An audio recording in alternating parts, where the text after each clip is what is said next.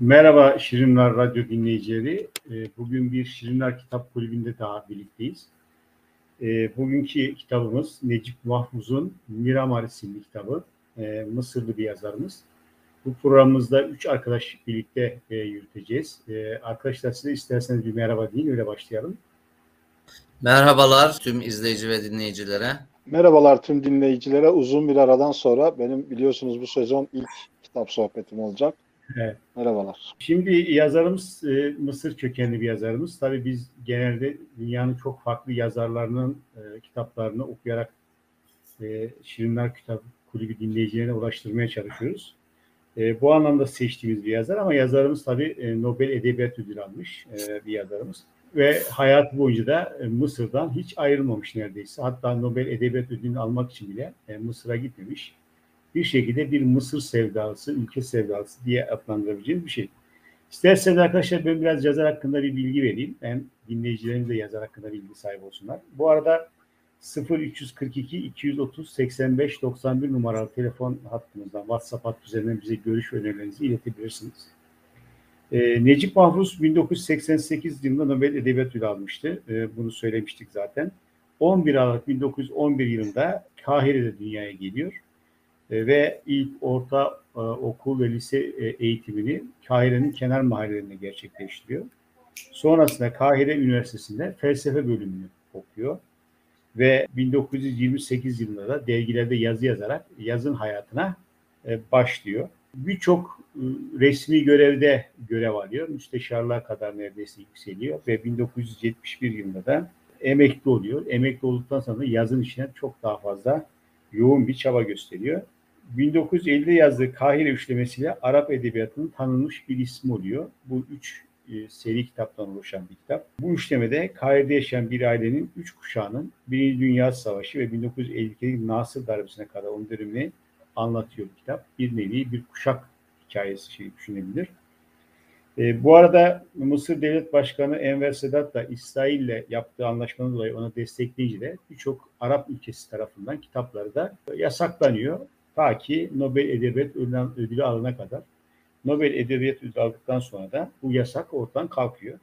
Ancak hakkında bir kökten dinci bir örgüt veya yapı ölüm fermanı yayınlıyor ve sanırım bundan kaynaklı bir saldırıya uğruyor.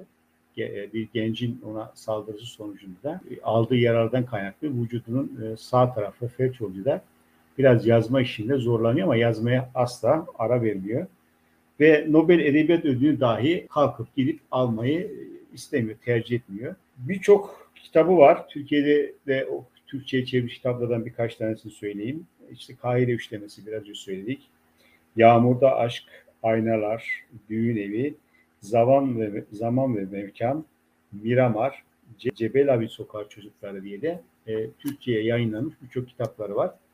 E, biraz Orta Doğu'dan bir yazar seçtik. Ancak elimizde okuyacağımız kitap bir e, nevi bir ülkenin tarihini belli bir tarihsel döneminde toplumun farklı kesimlerinin bir araya getirilerek bir kurgu üzerinden aslında ülkenin gidişatı üzerinde de konuşuluyor. İskenderiye'de geçen e, bir roman. Biraz e, dil açısından bahsedeyim. O bana çok sade geldi dili. Oldukça sade ve gerçekçi bir roman olarak adlandırılabilir olaylarda hiçbir abartıya kaçırmaksızın e, yalanlık e, hakim ve ama tabii bazı yerlerde müthiş benzetmeleri olan bir anlatı diline sahip. Kendine has bir anlatı dili var.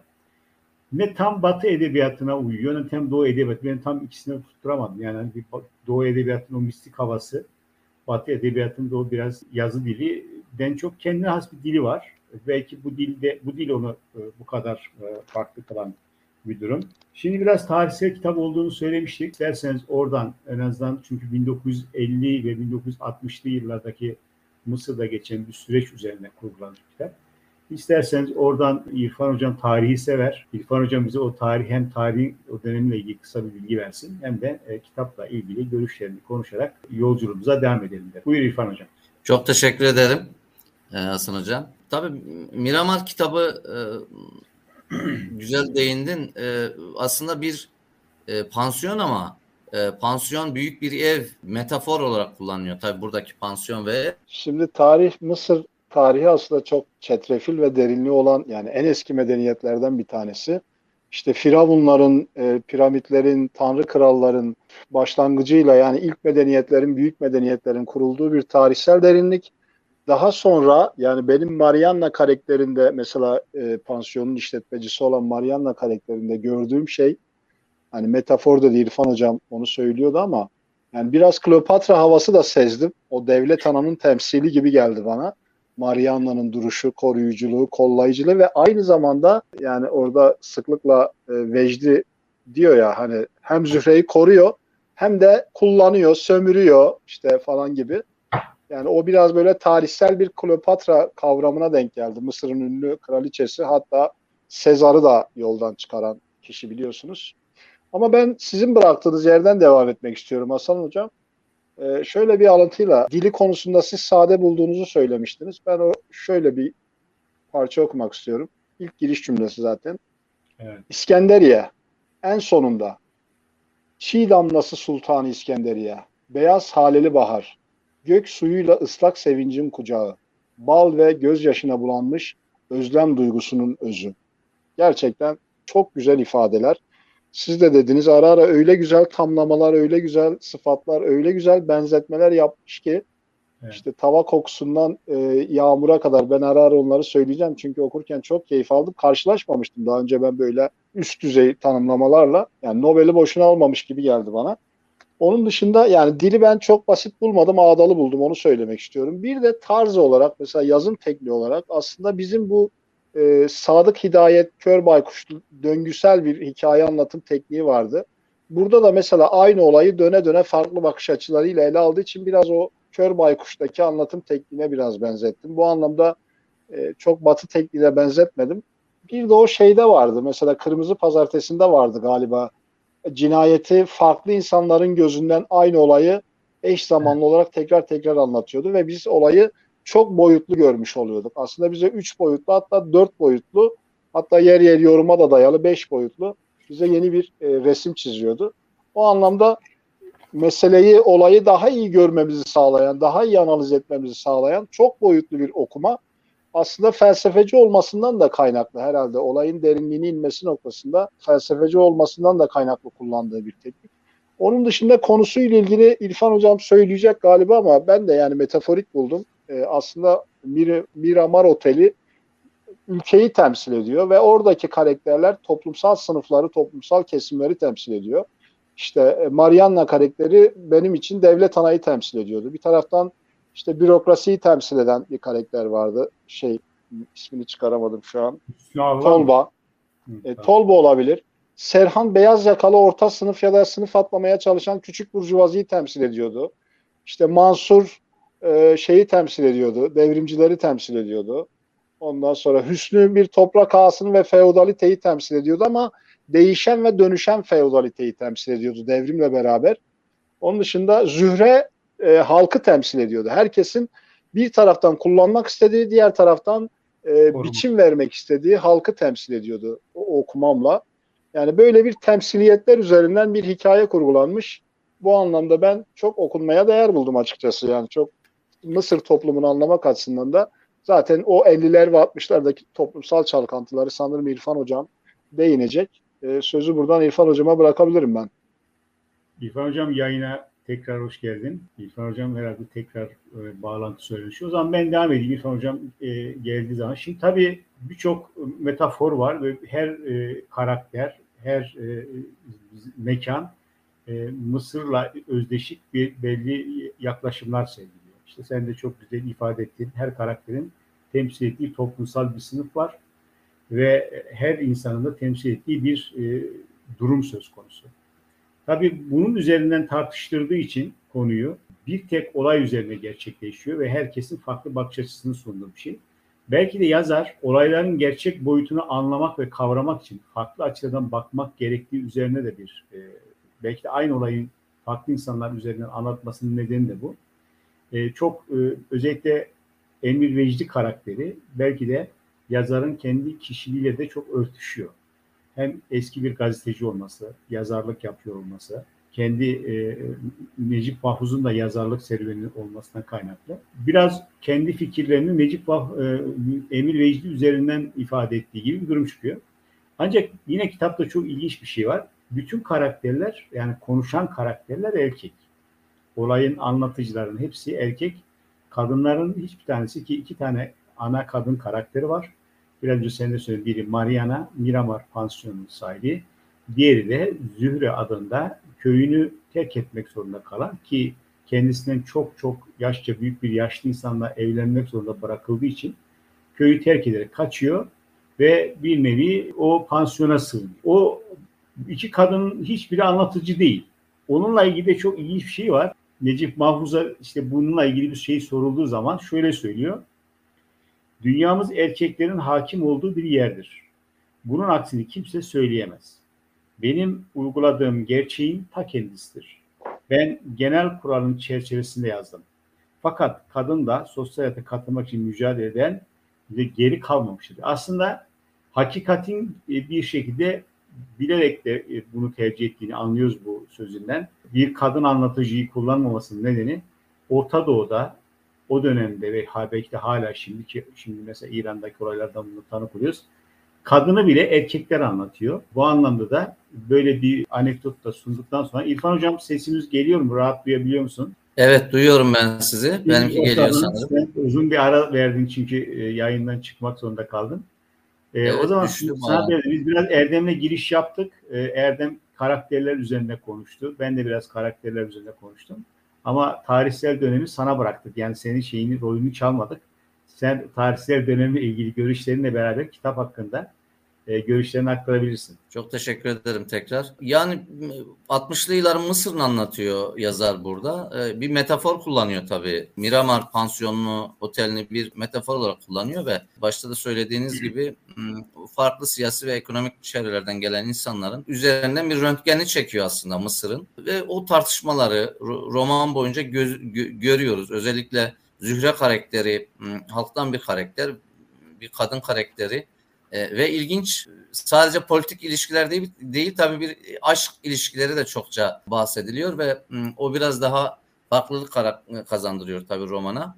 Ben biraz o tarihsel dönemden bahsetmek istersem Mısır tabii e, Orta Doğu'nun en kadim kültürlerinden birisi. Hatta, hatta Orta Doğu'nun belki uygarlığın ilk doğduğu topraklardan birisi. Bir kısmı Kuzey Afrika'da, bir kısmı Asya'da e, Sina Yarımadası'yla bulunan bir ülke. Ta Firavunlardan bugüne gelen e, köklü ve kadim bir topluluk. Tabii romanından doğru vurgu yapmak istersek aslında 1922'de Birleşik Krallık'tan e, bağımsızlığını kazanıyor. Belki roman e, oralara doğru uzanıyor. Biliyorsunuz daha önce Osmanlı Devleti'ne bağlı uzunca bir dönem. E, 22'de e, Kral Faruk e, ailesiyle beraber e, Birleşik Krallık'tan e, Mısır Krallığı oluyor. Aslında bir krallık, hanedanlık, monarşi olarak e, Mısır kuruluyor, bağımsızlığını alıyor. Ama 48'deki o meşhur İsrail-Filistin, e, İsrail-Arap Savaşı ile beraber Kral Faruk'a dönük ciddi bir tepki oluşuyor. Tabii e, Hür Subaylar Hareketi, Necip Mahfuz'un da o romanda uzun süre bahsettiği e, ve devrimden sonraki dönemi yazdığı bu kitap e, 48'den sonra ciddi bir e, aslında o Arap-İsrail Savaşı'ndan sonra bütün Arap devletleri için büyük bir prestij kaybı oluşuyor. E, bundan sonra Hür Subaylar Hareketi dediğimiz 38'lere doğru dayanan aslında Ce- Cemal Nasır, Abdül Cemal Nasır'ın Enver Sedat'ın başını çektiği Hür Subaylar Hareketi kuruluyor ve 53 52'de bir darbe yapıyorlar. Mısır devrimi diye geçer aslında tarihsel olarak. 53'te de Mısır Cumhuriyeti oluyor. Krallık, Kral Faruk'un ve sonra e, Kral oğlu Fuat geçiyor ve daha sonra tabii Cumhuriyete dönüşüyor 53'ten sonra. Bu kitabın içinde de çokça tartışılan Cumhuriyet ve Cumhuriyet sonrası Mısır'ı aslında anlatıyor kitabımızda. E, o anlamda belki buraya bir vurgu yapmak gerekir. Hmm, Hür Subaylar Hareketi tabii dediğim gibi sömürgeciliğe karşı özellikle İngilizlerin e, 22'de bağımsız ilan ediyor ama İngilizlerin tabii ki eli kalkmıyor Mısır'dan, Sudan'dan, o, o coğrafyadan. Dolayısıyla bu Hür Subaylar Hareketi bir nevi aslında sömürgeciliğe karşı bir milliyetçi subaylar, Mısır'ın milliyetçi subaylarının ortaya koyduğu bir hareket. Ve 53'te başarılı oluyor ve Cumhuriyeti kuruyorlar. Üç tane Cumhurbaşkanı çıkarıyor e, e, bu, bu, bu hareket. Tabii e, Abdülnasır en belirginleri 70'lere kadar o, o götürüyor ve 70'lerden sonra Enver Sedat 81'e kadar Sonra da Hüsnü Mübarek işte bugüne kadar geldiğimiz bir tarihi var Mısır'ın. E, Doğu ile Batı çatışmasını çokça yaşıyor. Tabii nüfus olarak e, Müslüman yoğunlukla ama Kıptiler dediğimiz Mısır'ın çok kadim e, en eski halkı var. E, nüfusun %18'ine yakınını oluşturuyorlar onlar. E, Hristiyan toplumu var, Müslüman toplumu var. O anlamda pek çok kültürü de iç içe barındırıyor. Batı'nın ve Doğu'nun iç içe yaşandığı bir topluluk olarak da değerlendirilebilir. E, Mısır tarihsel olarak böyle bir dönem. Tabii işte bu kitapta da geçiyor. Ünlü sanatçılarıyla da meşhurdur. Ümmü Gülsüm'ü vardır mesela. Evet. Ee, belki 20. yüzyılın kitapta da geçiyor. Her perşembe akşamı Mısır devrimine destek verir Ümmü Gülsüm. Özellikle bu İsrail Savaşı'ndan sonra yenilgiye uğramasından sonra e, ve her perşembe kitapta da var. Her perşembe akşamı herkes televizyon başında oluyor ve Ümmü Gülsüm'ün konserini dinliyorlar.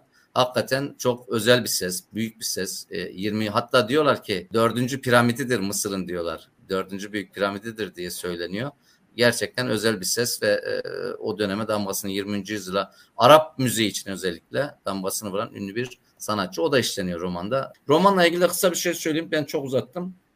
Dediğim gibi hakikaten akıcı dili e, itibariyle e, Mısır'ın iyi bir fotoğrafını çıkmış, çizmiş. Zaten yazarımız e, Mısır'ın sıradan insanlarını yazıyor. O, o doğu batı arasında gidiş gelişi daha çok Kahire'yi, Kahire sokaklarını yazıyor.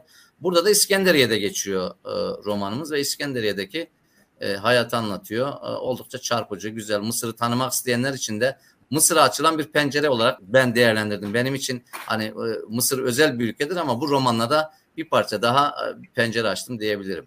Teşekkür ederim. Evet. Çok sağ ol. Şimdi tabii sevgili Şirinler Radyo dinleyicileri her kitap yeni bir dünyaya açıyor aslında. Bizler de yeni kitaplar okuduğumuzda birçok farklı konuyu da öğrenmek ve araştırmak durumunda kalıyoruz. Tabii her kitap yazarın kendi öznel e, becerisini aktardığı gibi yaşadığı coğrafyanın kültürünü de e, ister istemez yansıtıyor. Çünkü o coğrafyadan beslendiği için. Bu anlamda Necip Fahbuz Miravar kitabında da bunu hissediyorsunuz. Bunu Erdem de çok güzel ifade etti. Kitaptaki bazı benzetmeler o kadar hoş ve yerinde ki e, ama abartısız. Yani böyle e, illa da onu süsleyeyim, onu büyüteyim, onu işte farklı anlamlar katayım değil. Yalın ve e, çok e, şık yazıldığı için o havayı, o ortamı işte İskender'in sokaklardan bahsettiği zaman yağmur yağdığında yağmurun sesini, yağmurun kokusunu neredeyse isteyecek noktada güzel e, benzetmeleri var. Karakterlerin yapısı çok güzel aktarılmış e, Miramar kitabında ve ka- karakterler için bir bütünlük var. Yani bir yerde bir kopukluk söz konusu değil. Karakterlerin iç sesleriyle aslında e, niyetleriyle söylediklerinin arasındaki çelişkiyi çok güzel sunmuş. Günümüzde de bu e, insanlar arasında yaşanan bir şeydir. Aklımızdan geçeni genellikle söylemeyiz. Hep bir otosansür üzerinden hareket ederiz. Sansürleyerek söyleriz.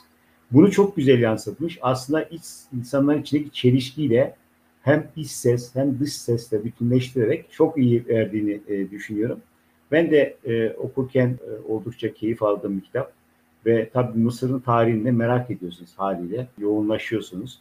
E, çok e, yakının takip ediyoruz gerçi politik olayları falan ama işte Mısır tarihi en sonunda e, yine bir darbe oldu. Yine emperyalistlerin olaya müdahalesiyle kendi haline bırakamıyor. Orada Erdem çok güzel ifade ettin sen. E, Zühre karakteri aslında Mısır Mısır halkını ifade ediyor. Herkes bir tarafından çekiyor. Kimse halkın gerçekten ne istediği ya da ne arzu ettiği üzerine çok kafa yormuyor. Kimi sahip olmak istiyor, kimi üstünde tepinmek istiyor, kimi yönlendirmek istiyor. Bu anlamda aslında her karakterin bir e, sembol noktası da var. Bugün Şirinler Kitap Kulübü'nde e, Necip Mahfuz'un Miramar e, isimli kitap üzerine söyleşimize devam ediyoruz. E, yazarımız programın başında gerçi anlattık ama 11 Aralık 1911 yılında dünyaya geliyor ve 30 Ağustos 2006 yılında da vefat ediyor. Ve 1988 yılında da Nobel Edebiyat Ödülü almış e, bir yazarımız. E, Miramar ismi kitabı da belki ödül almasına en büyük etken olan kitaplardan bir tanesi. Birinci bölümde biraz kitabın karakteri üzerinde ve dilsel yapısı üzerinde konuştuk. Sonrasında o dönemin tarihi üzerinde biraz bahsettik. Yavaş yavaş kitabın da içine girerek. istersen ben şöyle bir kitap özet hakkında bir giriş yaptım arkadaşlar. Spoiler vermeden. Romanımız İskenderiye kentinde geçiyor ve bir e, pansiyon var. Miramar isminde bir pansiyon. bu pansiyonda toplumun farklı kesimlerini ifade eden, sembolize eden insanların bir araya geldiği bir dönemsel süreç yaşanıyor. Burada her karakter toplumun belli bir sosyal ve sınıfsal kesimini ifade ediyor. Ve onların genel tutumu açısından da hayata bakışları, olaylara bakışları üzerinden bir kurgu var. Tabii pansiyonun sahibi Yunan asıllı Hristiyan bir kadın, Maria isminde ve yanına da bir köyünde yaşlı bir insanda evlendiklerine kaçan Zühre aslında bir kadın geliyor. O da oradaki hizmet işlerini gerçekleştiriyor. Aslında birinci bölümde de Erdem bahsetti. Miramar Mısır'ın fiziki mekanını oluşturuyor. Yani bir yandan da Mısır anlamına geliyor. Zühre de e, o geniş halk kesiminden ifade eden bir karakter. Kadın olmasından kaynaklı toplumun tabii kadına bakış açısını, kadının yeri üzerinden de aslında bir irdeleniyor. Çünkü hem istemediği insanla evlenmeye zorlanan Zühre hem de kimse ona hayattan ne istediğini sormuyor. Sürekli herkes onu kimisi alıp güzelliğinden kaynaklı ona evlenmek istiyor. Kimisi onu bir hizmetçi olarak kullanmak istiyor. Kimisi onu sövülmek istiyor. Bir kimisi de korumaya çalışıyor. Yani korunmaya muhtaç bir biri olarak gördüğü için korumaya çalışıyor. Ama kimse gerçekte Zühre'nin ya da Mısır'ın o geniş halk kitlelerinin ne istediğini sormuyor. Hatta yazarımız bu karakterleri tek bir olay üzerinden konuşturduğu için kadına da bir yer vermiyor. Bunu da birinci bölümde bahsetmiştik. Çünkü kadını bile orada erkekler anlatıyor. O anlamda toplumun adına konuşan insanlar var. Toplumun konuşma kanalları açılmadığı için herkes kendi bakış açısına, o pozisyonuna göre toplumla ilgili ilgilenme veriyor. Şimdi tabii kitabın en önemli anlatıcılardan bir tanesi de Emir Vecdi. Onunla ilgili birkaç şey söyledikten sonra Erdem Hocam sana bırakayım sizi. Şimdi Emir Vecdi hem kitabın açılışını yapıyor hem de kapanışını yapıyor. Bu anlamda aslında yazarın bir nevi kendisi kitabın içine kendisini yerleştirmiş gibi düşünüyoruz. Çünkü hem yap, geçmişte yaptığı işten kaynaklı. Çünkü yaşlılığında ve son döneminde oraya geliyor. Eskiden İskender'de yaşayan ama 20 yıl kadar İskender'den uzak kalmış bir karakter. Ve artık son günlerinde eskiden kendisine hoş zaman geçirdiğini düşündüğü bu pansiyona geliyor. Bu anlamda karakterin üstünde de kendi ifadelerini anlatıyor ama Emil Vecdi'yi çok en belirgin özelliği bir kere çok sakin. Müthiş bir sakinliği var. Olaylara müthiş bir objektif bir bakış açısı var. Sükunetle sorunları çözmeye şey yapıyor. Anlıyoruz ki müthiş bir Mısır sevdalısı. Çünkü Mısır halkı yerine geçen Zühre'yi koruma yaklaşımı sergiliyor. Onu ama bir taraftan da korumak adına bir biçiyor. Orada örneğin bir, başka insanla evlenmesinin daha doğru olduğunu düşünüyor. Ki memleketine dönmesi gerektiğini daha iyi olduğunu düşünüyor. Bu anlamda bir de koruyucu ve yön çizici bir yolu var.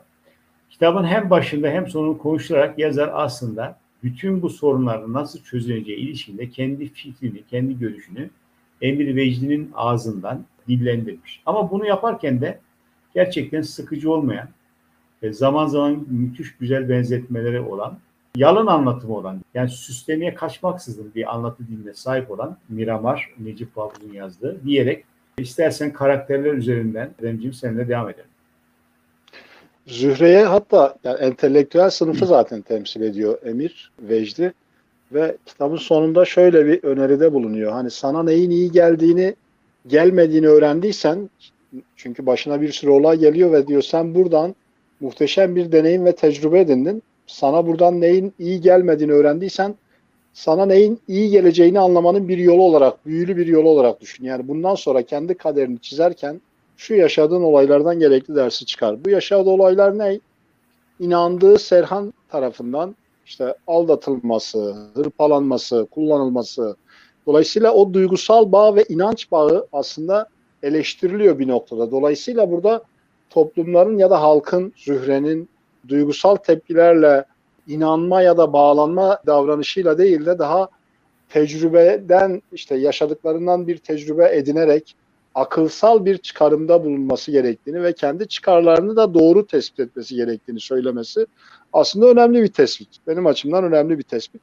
Çünkü burada bu inançsal meselesi, inanma meselesi, yani kendi zaten kitapla sıklıkla bazı ayetlere de yer veriyor. Bölümlerin sonlarında içeriğine ara ara bazı ayetleri de yerleştirmiş. Bazı meseleleri teolojik olarak da anlatmak istiyor, ifade etmek istiyor. İşte mesela aldığı bir ayette işte adaletli olun, terazinizin ölçüsü bozulmasın, dürüst olun, insanlara karşı içten ve samimi olun gibi işte kutsal kitapların söylediği önemli insani özellikleri topluma öğüt olarak da vermeyi tercih etmiş. Onun dışında bu inanma meselesi Mansur'da karşımıza çıkıyor. Hatta şöyle bir güzel tespit var. İnançla şüphe diyor kardeştir. Yani biri diğerini besler ve kaçınılmaz olarak bir çelişki yaratır ve bu çelişki aslında dinamizm dediğimiz şeyin kaynağıdır. Yani diyalektik bir bakış açısı var burada tabii ki. Zaten bu çelişkinin Mansur'u götürdüğü yeri biliyorsunuz. Yani bir taraftan devrime inanmış ama diğer taraftan şüphe duyuyor. Çünkü kendi kişisel arzuları, istekleri, işte yaşanmışlıkları var ve en sonunda ruhsal olarak büyük bir çöküntüyle olay artık şizofren derecesine geliyor neredeyse. Öyle bir çöküntüyle gidip kitabın sonunda değişik şeyler yapıyor. Bu spoiler vermek istemiyorum. Kitap bu anlamda kendi içinde hani aşkı da sorgulayan, hani tabii ki de toplumsal bir meseleyi ele almış ama çok insani noktalardan duyguları ve davranışları da analiz etmeye çalışıyor. Dostluğu, samimiyeti, aşkı, ihaneti, çıkar ilişkilerini, işte organize bir suç şebekesi var. Yani kitabın içinde aslında sürükleyici olduğunu düşündüm. Son derece atraksiyon, son derece hareketli bazı olay örgüsünün içine koyduğu olaylar var. Bu anlamda ben eğlenceli buldum kitabı. Yani bir taraftan hani Mısır toplumunu tanımamız açısından çelişkileriyle beraber yani o da çok güzel. Hani kimseyi kutsamadan, kimseyi yüceltmeden hani bana biraz yani Zühre'ye bakışı korumacı ve sürekli yönlendirmeye açık olarak görmesi biraz tabii benim kişisel kendi yorumuma çok uymuyor. Yani ben toplumların o kadar suistimala açık, halkın bu kadar suistimala açık olduğunu düşünenlerden değilim. En nihayetinde halk tek tek bireylerin toplamından daha fazla bir şey olarak her zaman kendi çıkarını, kendi varlığını ve kendi rasyonalitesini ortaya koyabilecek çok ince bir düşünce biçimine sahiptir. Kaldı ki burada da zaten Zühre aslında bu kadar karmaşadan belki de en az yara alarak çıkanlardan da bir tanesi aslında. Yani böyle bir pozisyonu da var Zühre'nin. Şimdilik bazı alıntılarım var onu diğer turda söylemek istiyorum. Ben tamam. isterseniz sözü İrfan Hocam'a bırak. Evet İrfan Hocam sen istersen devam etmek istersen buyur. Zühre ile ilgili bir şeyler söylemek istiyorum. Zühre ilginç bir karakter ve çok böyle değişik hani altı bölümden ibaret söylemiştik ya her bölümün aslında baş kahramanı gibi. Mesela pansiyonda yaşayan üç kişi ona aşık oluyor. Dışarıda çokça hayranı var. Bir, bir fellah kızı ve ölüyü hani çok güzel bir tanımlama yapıyor. Ölüyü diriltecek kadar güzel bir kadın diyor. Dolayısıyla da ona aslında pansiyona her gelen aşık oluyor. Belki bir kısmı açık ifade ediyor. Bir kısmı açık ifade edemiyor. Serhan mesela Zühre'nin ilgisini çekiyor ama Serhan da karmaşık bir tip dediğimiz gibi. Burada Zühre doğallığı, saflığı, bilgiyi de temsil ediyor bir yerde. Mesela okuma yazmaya bilmeyen bir kız ama geldiğinde de pansiyonda kendi kişiliğini, kendi ayakları üzerinde duracak bir eğitim almayı hedefliyor. O anlamda da orada bilgi ve emeği de temsil ettiğini düşünüyorum. Serhan evet seviyor ama Serhan maalesef çok farklı ilişkileri var. Birden fazla gönül ilişkisi yaşıyor. Terk ettikleri var. Bir yönüyle işte hayatın içerisinde değişik ticari ilişkileri var. Dolayısıyla aslında Zühre belki toplumdaki kadın karakterini yansıtması açısından önemli. Hele hele Mısır gibi bir toplumun içerisinde Zühre'nin köyünü terk etmesi, kendi ayaklarının üzerine durmak, hani o toplumsal normlara kafa tutması anlamında önemli bir karakter diye gördüm ben de. Geliyor öyle bir pansiyona çalışıyor olması bile hatta şöyle söyleniyor. Tekrar köyüne dönmek ister misin diyor hatta Emir Vecdi. Diyor ki bana kötü gözle bakarlar. Bu saatten sonraki şey köyüme geri dönemem diyor mesela. Düşünün ki 60'lı yılların Mısır'ında böyle bir toplumsal yapının içinde yaşıyor ve orada ayakta durmaya çalışması takdire şayan diye düşünüyorum. Onun dışındaki karakterler dediğiniz gibi farklı çok böyle şey açıklanmamış aslında hani politik şeyler giydirilmemiş ama anlıyorsunuz işte yaşamda nerede durduklarına dair. Benim bir de ilgimi çeken karakterlerden birisi tabii ilginçti. Hüsnü Allam oldu. Toprak zengini olan. Çok alemci. Aslında şeye gidip gelen böyle hani hayatın içerisinde arayışları olan birisi ama tam da feodal bir tip değil. Şehir hayatına da bir taraftan adapte olmaya çalışıyor. O hayatın içerisine girmeye çalışıyor. Bizim Türkiye'de çok fazla buna benzer insan tiplemesi var. O benim çok dikkatimi çekti Hüsnü Allam. Mansur işte biraz içine kapanık, radyocu birisi ve belki Serhan'la çok ilişki kuramıyor. Çünkü Zühre'ye duyduğu aşkı ve sevdasını içine taşıyan birisi. Ya değişik karakterler işte mesela açısından değişikti. Tolga Merzuk mesela değişikti. Müsteşar o biraz devleti temsil ediyor. Eski kraliyeti temsil ediyor ve aslında sonunda da Amerikancı oluyor. Yani hani bu, bu devrime de çok sıcak bakmıyorum. Neden olmasın diyor. Yani ne eski kraliyet ne bugünkü cumhuriyet aslında Amerikan olsa Amerikalılar olsa belki daha iyi yapacaktır diyor. Emir Vecdi dediğiniz gibi emekli bir gazeteci ve aslında sakinlik ve huzur için geldiği bir yerde bir sürü olayların içinde buluyor kendini pansiyon içerisinde. Ama hani burada şey gibi bir akıl gibi duruyor Emir Vecdi. Hasan Hocam da söyledi. Aslında romanın bir nevi aslında yazarın rolünü verdiği kişi gibi duruyor. Akıcı güzel bir romandı. Ben severek okudum. Öyle söyleyebilirim son olarak. Evet, şimdi aslında e, romanda iki tane kadın karakter var. İlginç bir durumda. Bir bir tanesi saygı görürken, ona değer verilirken, daha doğrusu karşısındaki insanlara karşı egemenlik kurmuşken, bir tanesi ise sürekli korunma ihtiyacı duyulan, yönlenme ihtiyacı duyulan iki tane kadın. Biri Miramar Pansiyonu sahibi gayrimüslim olan bir kadın ki aslında İskenderiye doğumlu. Yani Yunanistan asıl olmasına rağmen İskender doğumlu. İki tane evlilik yapmış. İlk eşi İngiliz subay ölüyor.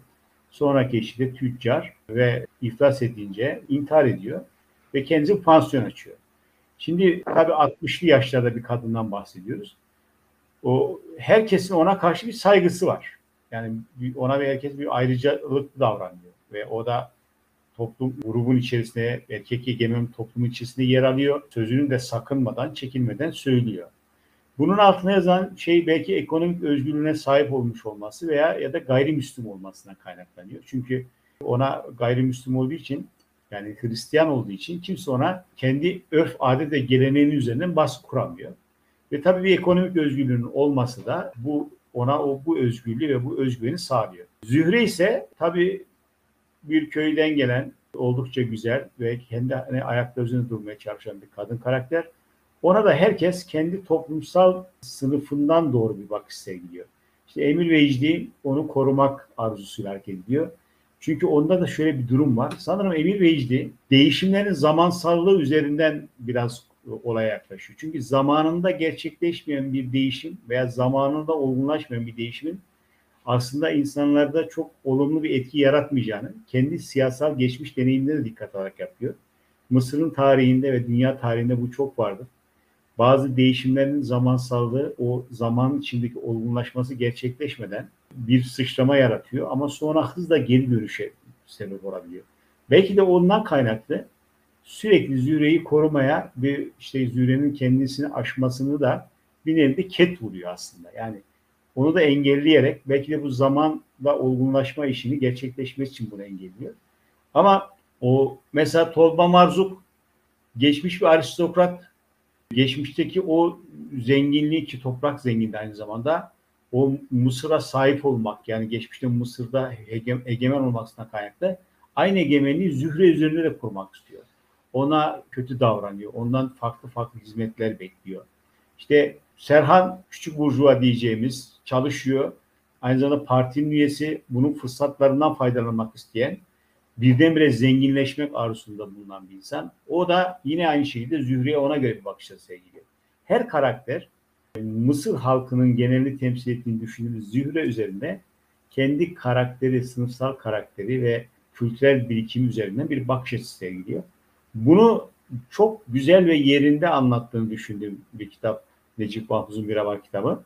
E, bu anlamıyla akıcı da olduğunu düşünüyorum. Çünkü bir olayı hep farklı farklı insanlardan anlatıyor ve sonuçta da bir hareketliliği de olan bir kitap. Yani monoton giden bir kitap değil, belli bir ritmi de olan bir kitap ve dediğim gibi hem doğulu hem batılı ortada kendi ne has bir dilde sahip olan bir kitap olduğunu düşünüyorum.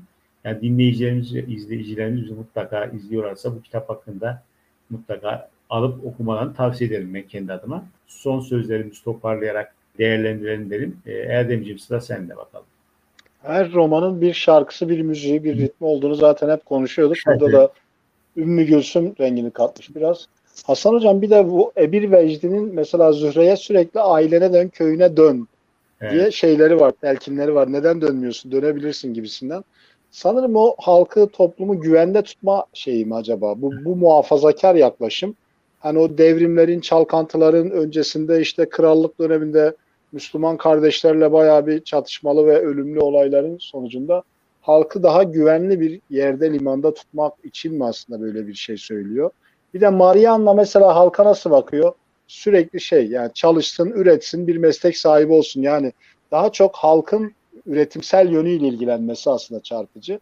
Onun dışında son sözler olarak ben güzel alıntılar vardı. Politik tartışmalara da aslında bazı yerlerde girmiş işte hem Müslüman kardeşlere hem komünistlere saldırmanız tuhaf değil mi diye Vecdi Emir'e soruyor Mansur.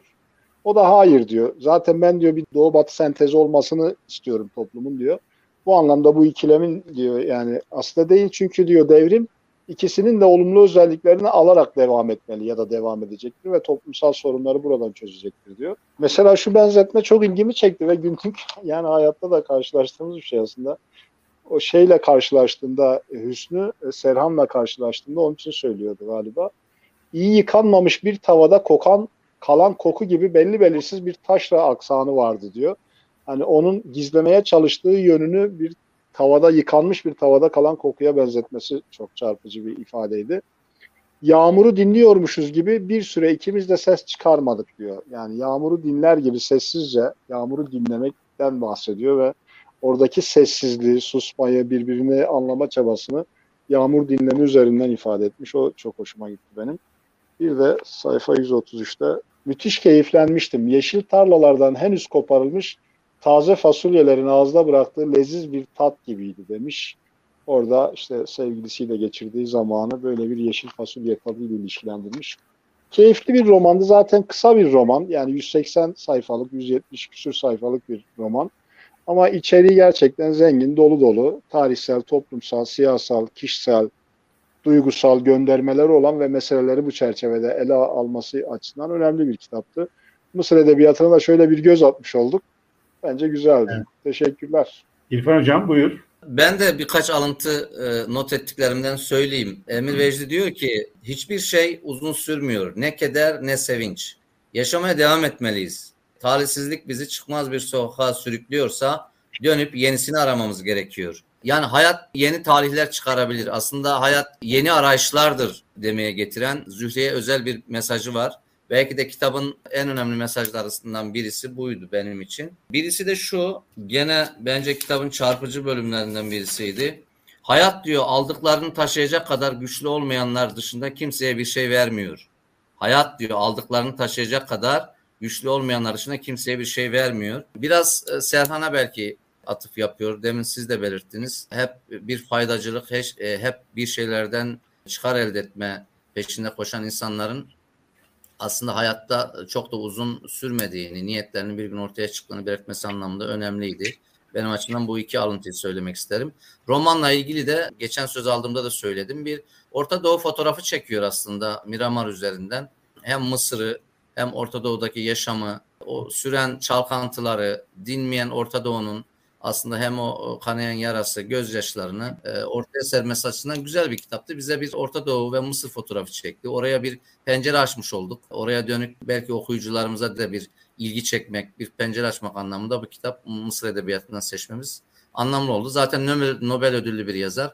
Dili ve anlatımı da son derece güçlü. E, umarım ileride Kahire üçlemesini de e, irdeleme fırsatımız olur sanırım o, o yazarın daha o Mısır'a dönük anlatılarını daha güçlü bize sunacaktır diye düşünüyorum. Herkese iyi akşamlar diliyorum. Evet şimdi tabii Necip Balmuz 70 yıllık yazın kariyeri boyunca 34'ün üzerinde kitap yazmış. Bugün üzerinde söyleştiğimiz kitap Miramar kitabı da onların içerisinde önemli bir yer tutan bir kitap. Tabii 1988 yılında Nobel Edebiyat Ödülünü aslında boşa almadığında kitabı okurken kitabın sizde bıraktığı tat ve lezzet açısından farkına varınca da anlıyorsunuz ki gerçekten iyi bir edebiyatçı. Ve bir basit bir konuyu mekan ve kişilere farklı anlamlar yükleyerek bir olayı birçok farklı insanın üzerinden ya da farklı insanın ağzından anlatarak aslında bir yaşadığı ülkenin bir fotoğrafını, bir panoramasını sunmuş. Ve bunu sunarken de hem edebi bir lezzet almamızı sağlıyor Miramar kitabıyla, hem Mısır tarihini merak etmemizi sağlıyor, hem bize bak, farklı bakış açısı sunuyor. Farklı karakterlerin, farklı sınıf karakterlerin hayata nasıl baktığına ilişkin doneler sunuyor. Hem de önermeleri var. Şimdi Necip Emir Vecdi üzerinden olaylara sakinlikle, sükunetle yaklaşılması gerektiğini, asla hakikatten ve gerçeklikten kopulmaması gerektiğini, objektif olunması gerektiğini, illa da birini övmek ya da yermek çabasından çok hakikatin görülerek hareket etmesini ve bunu da müthiş bir dinginlikle yapılması gerektiğini, kendisiyle Emir Beyci'nin belki de en önemli özelliklerinden bir tanesi de kitaptaki tüm karakterin dışında kendisiyle barışık bir insan olması da belki belirleyici bir karakterdi. Bu anlamda Necip Mahfuz'un Miramar e, kitabı üzerindeki e, söyleşimizi sevgili dinleyiciler burada sonlandırıyoruz. Umarım kitap hakkında merak uyandırıcı bilgiler sunmayı başarmışızdır. Kitap okumanızı, kitapla zaman geçirmenizi ve sağlıklı kalmanızı diliyorum. Hoşçakalın. İyi akşamlar. İyi akşamlar, hoşçakalın.